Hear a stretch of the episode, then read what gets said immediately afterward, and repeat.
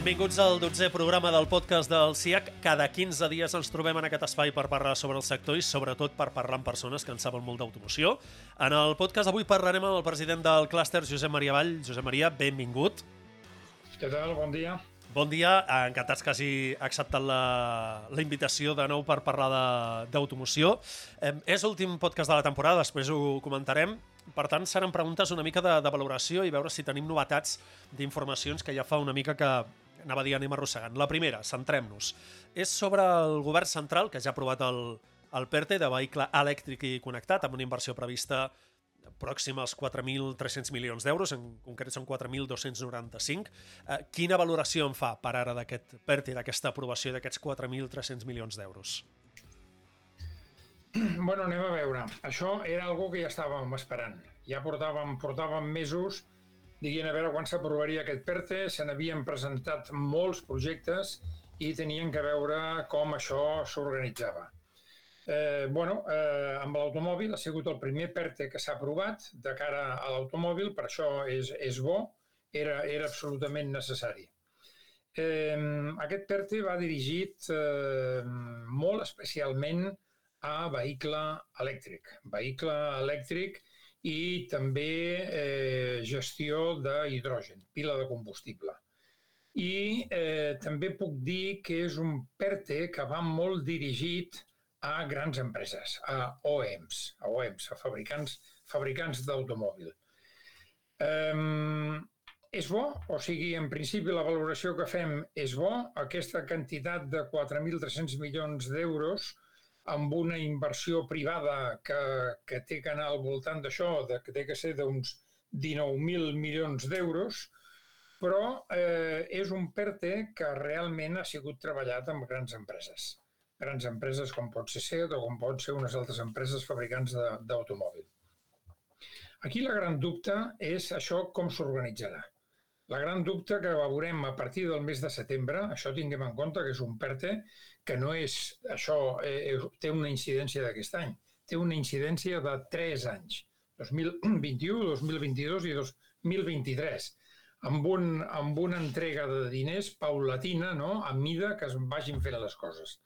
Per tant, tenim que veure, eh, a partir del mes de setembre, a veure això com s'organitza. La nostra gran dubte, des del punt de vista de CIAC, la nostra gran dubte és si aquest PERTE arrastrarà a les petites i mitjanes empreses de les que ja sabem que aquí a Catalunya en tenim moltes dedicades a l'automòbil. Tinguem en compte de que podria ser de que a, eh, a través d'aquest PERTE, SEAT, en el cas de que SEAT fos un dels beneficiaris, pensem que sí, pensem que sí, i d'aquest PERTE, a veure com organitzarà això. I l'organització que té que fer eh, SEAT és, a part de dedicar diners a la fabricació de vehicles elèctrics i també de bateries, fixem-nos que el, el, el president de, de Volkswagen ràpidament va dir, va dir ah, doncs ara fabricarem, posarem en marxa una fàbrica de bateries, perquè això va lligat amb el PERTE. Però tinguem en compte de que mm, SEAT arrastrarà també a la seva, eh, a la seva gamma de proveïdors que realment estan dedicats amb el vehicle elèctric. Ara bé, n'hi han molts de proveïdors, molts fabricants industrials d'aquí a Catalunya que no fabriquen per SEAT, estan fabricant per uns altres OEMs. Què passarà amb aquests? No estan amb, aquesta, amb aquest PERTE, no estan incluïts.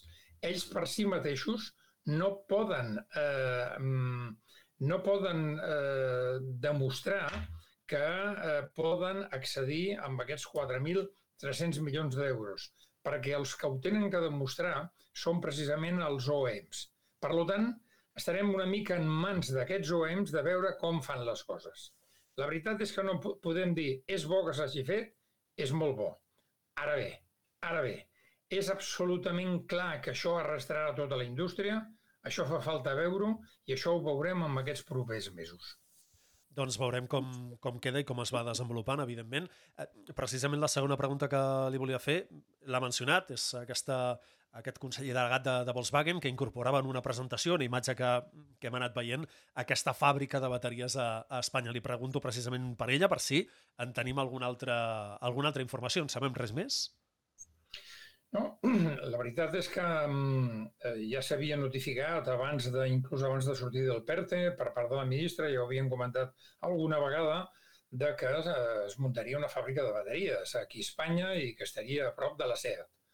Molt bé, immediatament quan ha sortit el PERTE, el, el president, el CEO de, de Volkswagen ha dit pues ara sí que muntarem una fàbrica de bateries, de les tres fàbriques de bateries que volien muntar el grup Volkswagen, una a Suècia, una a Alemanya i l'altra es muntarà a Espanya. Molt bé, ja era hora de que es digués alguna cosa així, doncs perquè, eh, perquè això reforça ja el que va dir la ministra. Això jo sempre havia, havia dit de que Volkswagen estava esperant de que el govern espanyol fes un gesto de veure on posava els diners i el govern espanyol estava esperant que Volkswagen digués això. Ara s'ha dit. PERTES endavant amb una ajuda econòmica molt forta per part de la Unió Europea i partint d'això, ja que s'ha fet d'aquesta forma, el president, el CEO de Volkswagen, diu pues, que es, fabricarà, es muntarà una fàbrica de bateries. Això és bo, això sempre és bo. Aquesta fàbrica de bateries pot ser que només estigui dedicada a SEAT. Eh, jo sempre havia explicat de que aquí a Espanya no fa falta, no, no solament fa falta una fàbrica de bateries, en fan falta més de fàbriques de bateries, si no, no, no, no es podrà abastir tot el mercat que hi ha de cotxes elèctrics amb la pre previsió que hi ha amb l'any 2030-2035. Per tant, aquesta fàbrica de bateries pot ser que només vagi dedicada a SEAT, quan SEAT està dient que per l'any 2030 pues, vol fabricar 500.000 vehicles elèctrics. Això ja ho veurem, ja veurem si és possible, però no obstant, encara que només en faci la meitat, una fàbrica de bateries d'aquesta, aquesta, amb aquesta capacitat només pot estar dedicada a SEAT. És bo això, ja veurem qui és el fabricant de bateries que, que entra aquí a Espanya, de la mà de Volkswagen, i, i això, pues, el, el, quan es vagi desenvolupant aquest PERTE, com he dit, a partir del mes de setembre, anirem sentint coses. Doncs, com hem dit abans, en seguirem pendents a partir de setembre, per això serveix una mica també el, el programa avui, per fer una mica de repàs de temes i, evidentment, fer-ne seguiment a partir de setembre quan, quan comencem nova temporada. Uh, canvio de tema, tot i que també és un projecte d'aquells que, que tenim en, encallats, perquè és evident que des del CIAC eh, sempre mantenen bona relació amb la, amb la Generalitat per tirar endavant projectes conjunts. Uh, N'hi pregunto per un, que ja el coneixem tots, eh, que tenim encallat des de fa molt de temps, com és el CFPA de, de Martorell. El govern ha expressat la, la voluntat de desencallar-lo. Més enllà d'això, li torno a demanar, en sabem res més? En podem explicar alguna cosa més? Sí, sí, sí. I realment eh, hem tingut reunions eh, amb l'administració catalana i, diguem, ells ens han explicat de que la seva voluntat és que al mes de setembre eh, es farà una nova licitació d'aquest centre. bueno, veurem. Aquesta licitació sempre nosaltres diem, carai, és que no l'hem vist, no l'hem vist. Per més que hem demanat, ells diuen és que això no és possible, no és possible donar-la donar-la amb un possible licitador, que nosaltres no ho som, però ells diuen no podem donar-la abans de que es publiqui però sí que ens donen totes les garanties de que tots els nostres requeriments que hem anat discutint i hem anat dient estan posats dintre d'aquesta licitació i que, per tant, i que, per tant, serà molt atractiva per algun gestor d'automòbil. També la nostra gran dubte sempre és aquest centre estarà dedicat a l'automòbil, a la formació de, de FPs per, dedicat a l'automòbil com un centre d'excel·lència, o derivarà amb una altra cosa. Aquesta sempre és la gran dubte que encara tenim. Si, aquests, si aquesta licitació surt al mes de setembre i al final surt un gestor, una, un possible gestor que pugui, que pugui gestionar aquest centre, però no està realment dedicat a la indústria de l'automòbil, l'objectiu d'aquest centre s'haurà equivocat. Pot estar dedicat, doncs no sé, a la formació de, de, de, d'equips de, reparadors d'automòbil, o sigui, d'equips de postventa, postventa de l'automòbil. Pot estar dedicar, dedicats a comercials de l'automòbil, com poden ser concessionaris. Aquest no és l'objectiu. L'objectiu és indústria de l'automòbil amb la gran necessitat que té de captar perfils molt professionals i perfils amb tota aquesta sèrie d'innovacions que hi ha a la indústria, perfils que amb aquest centre es tenen que eh, anar formant i anar, i anar posant en marxa. Si no és així, ens equivocarem un altre cop i possiblement serà l última equivocació perquè després no hi haurà forma de corregir-ho. Per tant, sabem, sí que sabem, licitació el mes de setembre? Sí, segons ens diuen. Aquesta licitació estarà d'acord amb el que havien dit nosaltres i anirà un gestor de l'automòbil? No ho sabem. I si no és així, malament. Molt clar. Uh, anem a l'última pregunta, que ja portem 10 minuts de programa i tampoc ens volem allargar gaire més. Uh, fa pocs dies, uh, des del CIEC van presentar oficialment la, la plataforma de talent de, del clúster, una eina uh, que ha tingut uns dos anys de desenvolupament i que, a més a més, han fet proves pilot amb, amb més de 200 estudiants de, de Catalunya. No li pregunto tant la, per la plataforma, sinó vinculat una miqueta amb el tema que estàvem comentant ara del CFPA. Quina importància té el talent dins la indústria de l'automoció? Clar, això sempre ens hem preocupat moltíssim. Nosaltres, no solament quan parlem d'indústria, parlem de, de tot el que li està passant a la indústria. I en aquests últims anys hi ha hagut un canvi fortíssim amb les necessitats de buscar perfils professionals amb unes característiques molt diferents de les que tenien abans. Per tant, ens hem preocupat molt de dir, carai, aquests perfils a on es troben?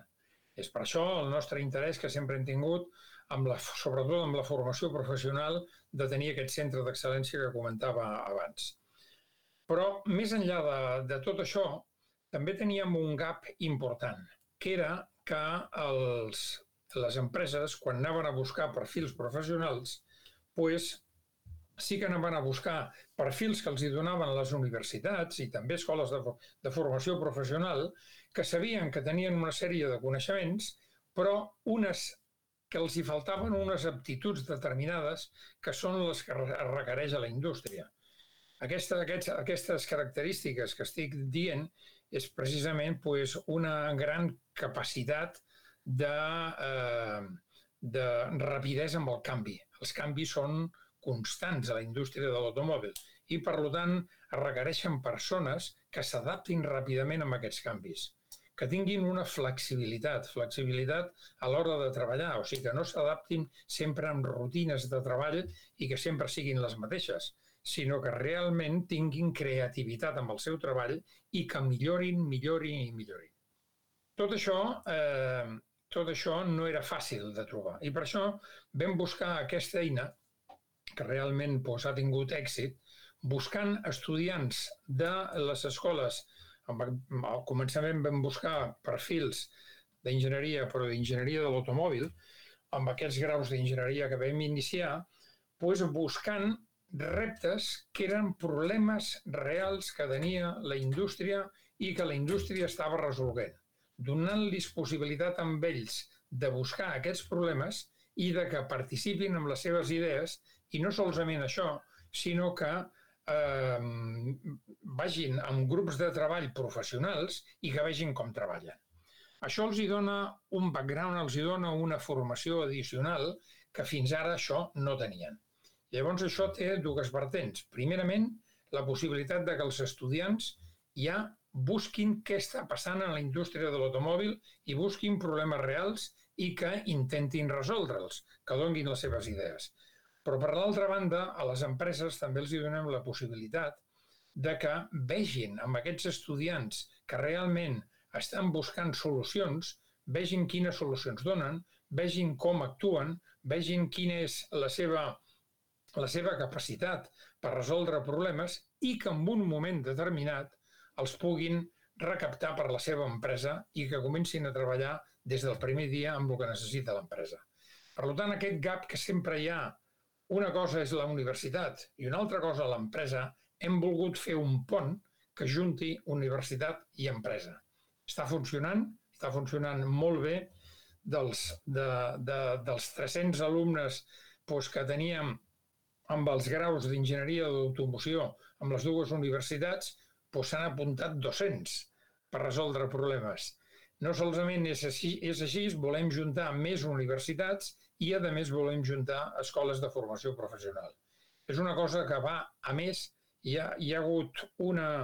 La, la, la Generalitat mateix mm, els hi ha interessat moltíssim de tal forma que està participant en tot això i el que pensem és que al mes de entre setembre i octubre farem tot un dia d'explicar eh, què estem fent, de que s'expliquin també els estudiants quins reptes han tingut i com els han solucionat, que sigui un dia de comunicació, de divulgació de tot això, però també de eh, reconeixement a tot l'esforç que, que s'ha tingut pues, tant per les persones que hi han treballat amb això també eh, i també amb els estudiants. Per tant, estem molt contents, molt orgullosos d'això. Jo sempre he felicitat amb els, amb els que hi han, han treballat amb això dos anys, que ha sigut, no ha sigut fàcil, i, i però per almenys està sortint, està sortint el sol ja amb aquest tema tan important. Eh, si voleu més informació sobre la plataforma de talent, evidentment eh, podeu anar a la web del CIEC, sinó també en el canal de YouTube, que allà hi tindreu les, presentacions, les diferents presentacions que s'han fet de la plataforma i allà podreu veure amb molt més detall eh, una mica quines són les eh, opcions que dona la plataforma, tant per part d'empreses com per part d'estudiants. De, Però com que la feina del CIEC seguirà per donar a conèixer aquesta plataforma, en, en seguirem parlant. Doncs fins aquí el podcast d'avui. Josep Maria Vall, moltes gràcies per acompanyar-nos aquests minuts. Molt bé, de res, gràcies a vosaltres.